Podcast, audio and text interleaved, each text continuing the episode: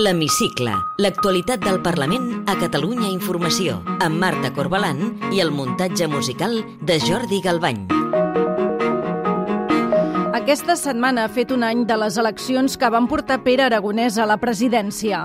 Des que va arrencar la legislatura, el Parlament només ha aprovat dues lleis, la dels pressupostos de la Generalitat per al 2022 i la coneguda com a llei d'acompanyament als comptes. El govern també ha tingut una activitat legislativa escassa i segueix encallat en l'horitzó nacional. Avui entrevistem el portaveu de Vox al Parlament, Joan Garriga. Benvinguts a l'Hemicicle. En un any de mandat, el govern de Pere Aragonès només ha aprovat un projecte de llei, el de la ciència, que té l'objectiu d'ordenar el sistema català de recerca, desenvolupament i innovació. Aragonès ha pogut exhibir alguns avenços en termes socials, però no en el full de ruta nacional. La seva gran aposta, la taula de negociació amb el govern espanyol, no ha donat de moment resultats i els seus socis de Junts per Catalunya i la CUP reclamen donar-la per amortitzada. Aragonès ha demanat valentia a Pedro Sánchez davant del Partit Popular i Vox per resoldre el conflicte polític. Si a la propera legislatura espanyola hi ha un govern del PP i de Vox, no serà per culpa de l'independentisme. Serà per la poca valentia de l'actual govern de l'Estat d'afrontar les grans qüestions que resten pendents de resoldre. Aragonès haurà d'afrontar el que queda de legislatura sense tenir uns socis parlamentaris estables. La CUP se n'ha anat distanciant cada cop més i ja es considera partit de l'oposició. El diputat Xavier Pellicer exigeix posar data a un nou referèndum. O es posa una data de referèndum damunt la taula en aquesta taula de diàleg o s'acaba. Després del pacte dels pressupostos, les relacions del govern amb els comuns també s'han refredat pel rebuig d'Esquerra a la reforma laboral. La cap de files d'en Comú Podem, Jessica Albiach, acusa el president aragonès de paràlisi i de falta de lideratge, però no tanca la porta a nous acords si se centren en l'àmbit social. Aquesta és la nostra manera d'entendre la política, dialogar, negociar, arribar a acords entre diferents, però també eh, volem deixar clar que si la voluntat del govern és la de seguir instal·lats en la manca de rumb, en la paràlisi i en el continuisme, a nosaltres no ens trobaran i seguiran sols. Tot i ser crític amb el rumb del govern, el cap de l'oposició, el socialista Salvador Illa, vol intensificar la seva política de mà estesa i d'oposició constructiva i aquesta setmana ha entregat al president aragonès un document amb 43 propostes d'acord basades bàsicament en l'increment de l'autogovern i la millora del finançament autonòmic.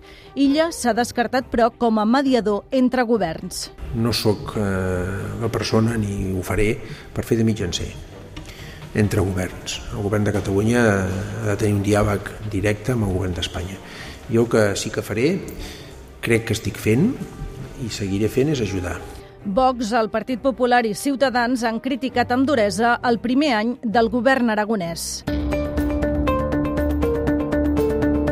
La presidenta del Parlament, Laura Borràs, ha donat finalment aquesta setmana explicacions en seu parlamentària sobre la retirada de l'escó a l'exdiputat de la CUP, Pau Jubillà.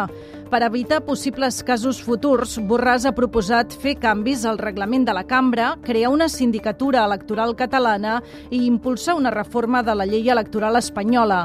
Borràs ha assenyalat els treballadors del Parlament en tot aquest cas, tot i aclarir que no els vol culpar no és admissible que els diferents serveis de la cambra executin instruccions abans que la mesa del Parlament s'hagi reunit. Quan els funcionaris no fan les coses i no n'informen, se'n diu por. I això és el que va passar en aquest Parlament aquesta setmana. I, per tant, cap intent de culpabilitzar els treballadors. Al contrari, cap ni un.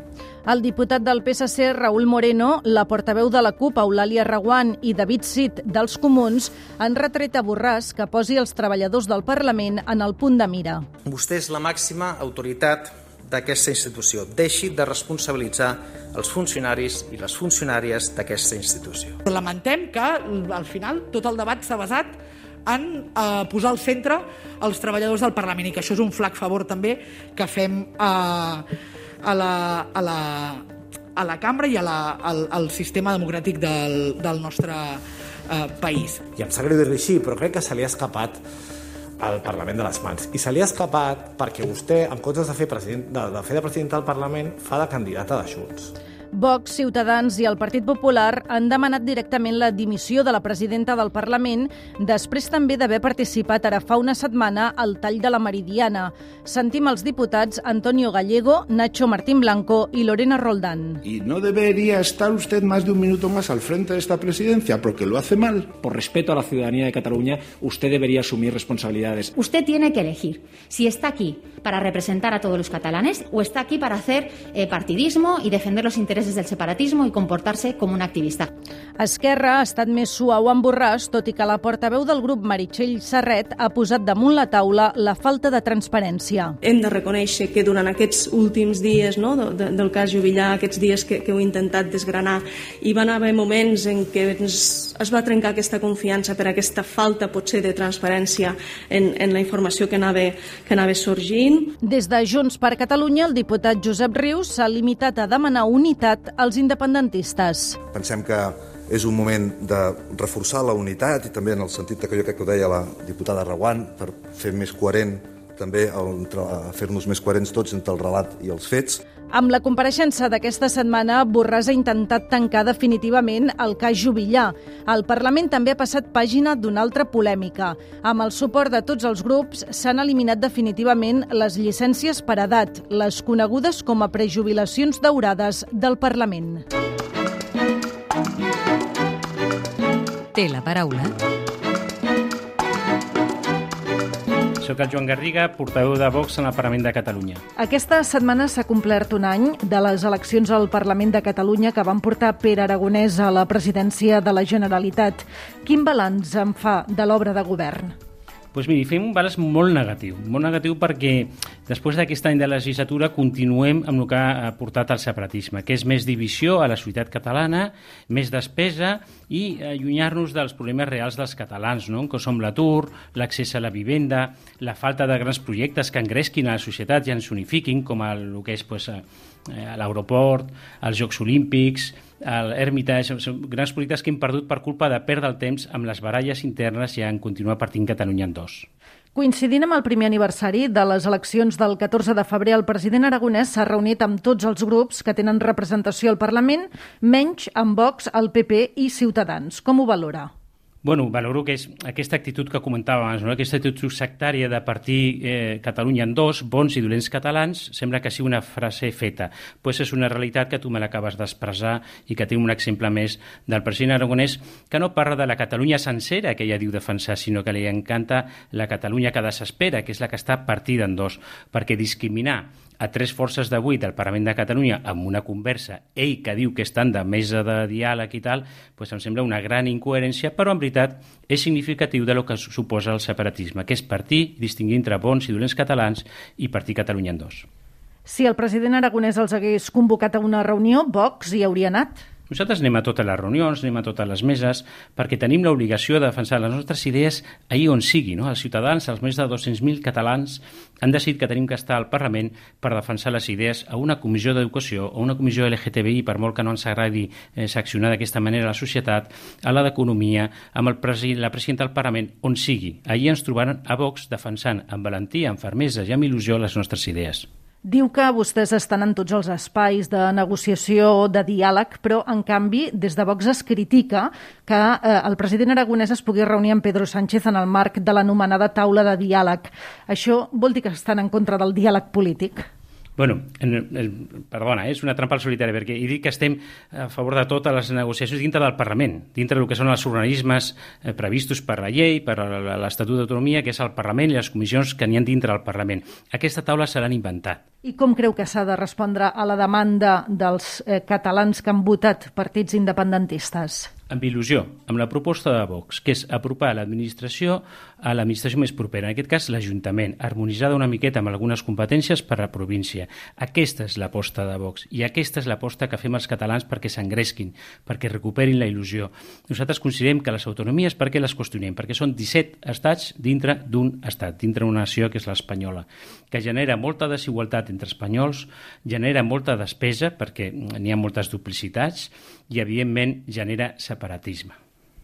I aleshores, un, una cosa que potser no entén la gent és perquè es presenten a eleccions al Parlament de Catalunya o a eleccions autonòmiques. Fantàstic, m'encanta aquesta pregunta. Igual que si podia els partits separatistes, per què es presenten al Congrés dels Diputats? pues molt senzill, perquè la realitat vigent estableix que hi ha un Parlament de Catalunya que gestiona moltes competències i nosaltres volem participar d'aquesta gestió. Tenim el nostre projecte, que potser per alguns és una quimera, però amb il·lusió intentarem eh, complir-ho. Eh, necessitem dos terços en el Congrés dels Diputats. Mentrestant, participarem de totes les institucions legals que ja hagin constituïdes per defensar les nostres idees amb això, amb compromís i amb il·lusió. Per què Vox vol il·legalitzar els partits independentistes? Pues perquè no aporten res a la convivència, al respecte de la història comuna, a la tradició, i perquè suposen un lastre doncs, per, a, per, per a aquesta societat nostra que està dividida per culpa d'aquest parany, no? per culpa dels separatistes. I per això trobem que qui vol trencar aquesta convivència no tindria que ser un partit eh, que es pugui presentar legalment dintre les institucions, mentre respectem que estiguin presents al Parlament com nosaltres, però el nostre objectiu seria això, il·legalitzar aquestes formacions que volen trencar la convivència i que van manifestament, obertament, contra la legalitat establerta. Per això haurien de canviar, entenc, el marc legal. Totalment. Què faran si no s'aplica la sentència que obliga a fer el 25% de les classes en castellà a les escoles? pues, portar les querelles pertinents als tribunals oportuns pues, perquè es compleixi, no? perquè el que no poden fer els separatistes és pensar, és pensar que estan per sobre dels demés, que ells no tenen que complir la llei. Si és una sentència del Tribunal Suprem, s'ha de complir. És que no, ells no són ningú, els polítics separatistes, per saltar-se la llei d'aquesta manera. Donen un missatge molt negatiu a la ciutadania. Vostè serà el candidat de Vox a l'alcaldia de Barcelona a les eleccions municipals de l'any que ve. Els anteriors comicis del 2019 es van quedar sense representació. Confien ara entrar al consistori barceloní? Pues mira, no li puc confirmar ni desmentir si jo seré el candidat o no, perquè els òrgans del partit ho faran més endavant al determinar quins són les candidatures que s'aproven a nivell de la província de Barcelona, que és la província que jo presideixo, i en quant a Barcelona, el que sí tenim clar és que ens presentarem i que els barcelonins tindran per fi una alternativa patriota i social com és la nostra per poder fer front a les polítiques de Colau, de Podem i del PSC que estan arruïnant la nostra societat, que estan arruïnant Barcelona i la gent està desesperada i necessita un canvi i es visualitzarà que aquest canvi serà Vox. L'anomenat constitucionalisme es presentarà unit a les eleccions municipals, ho dic davant la varietat de cicles que ja comencen a concórrer, Valents, el PP, Ciutadans... Jo crec que els que defensen el mateix tenen que fer un front unitari perquè simplifica molt l'opció als ciutadans. En aquest cas, PP, Ciutadans, doncs jo no sé quines diferències tenen. Vox sí, té moltes diferències en el model econòmic, en el model social, en el model d'estat, en el control de la immigració, en la lluita contra l'islamisme radical llavors en la defensa de la vida, de la família, de la llibertat educativa. Llavors jo crec que nosaltres amb ells no tenim que anar plegats en unes eleccions perquè l'elector no, no podria eh, pues, eh, veure la diferència i posar-la en valor i votar-nos. Però els que defensen el mateix jo crec que sí, és bo que vegin plegats. Si li sembla bé, ens endinsem ara en el terreny més personal i ja li demano si pot contestar amb respostes al màxim de breu possibles. Vostè va militar al Partit Popular i a Plataforma per Catalunya. Per què va fer el salt a Vox? En cada moment doncs, s'ha escollit el partit que jo crec que millor ha representat aquestes idees. Actualment és Vox i estic super orgullós perquè jo crec que és la formació que més representa la, la manera que jo tinc d'entendre la política i la societat. Quina injustícia social l'enerva més? la manca de treball i d'accés a la vivenda de moltes persones que per culpa d'això i de la falta d'implicació dels polítics no poden formar una família. Amb quin diputat o diputada que no sigui del seu grup compartiria una sobretaula distesa? Uf, amb tots, perquè jo crec que amb una conversa distesa després de dinar convenceria més d'un de que les nostres opcions són molt bones. Si hagués de posar una banda sonora a la Catalunya actual, quina posaria? Una de terror. En política tot s'hi val? No. Té algun viatge pendent? A mi, si em treus de l'Empordà, ja quasi em perdo perquè és el que més m'agrada estar a l'Empordanet. I ja per acabar, completi la frase següent. El que més m'agradaria del món és... Pues morir en pau, amb tranquil·litat de consciència o retirar-me a l'Empordà. Joan Garriga, portaveu de Vox al Parlament, gràcies per atendre'ns a l'hemicicle de Catalunya Informació. Moltes gràcies a vosaltres. Podeu tornar a escoltar l'hemicicle al web catradio.cat barra hemicicle o al podcast del programa i seguir l'actualitat del Parlament al perfil de Twitter arroba L-hemicicle.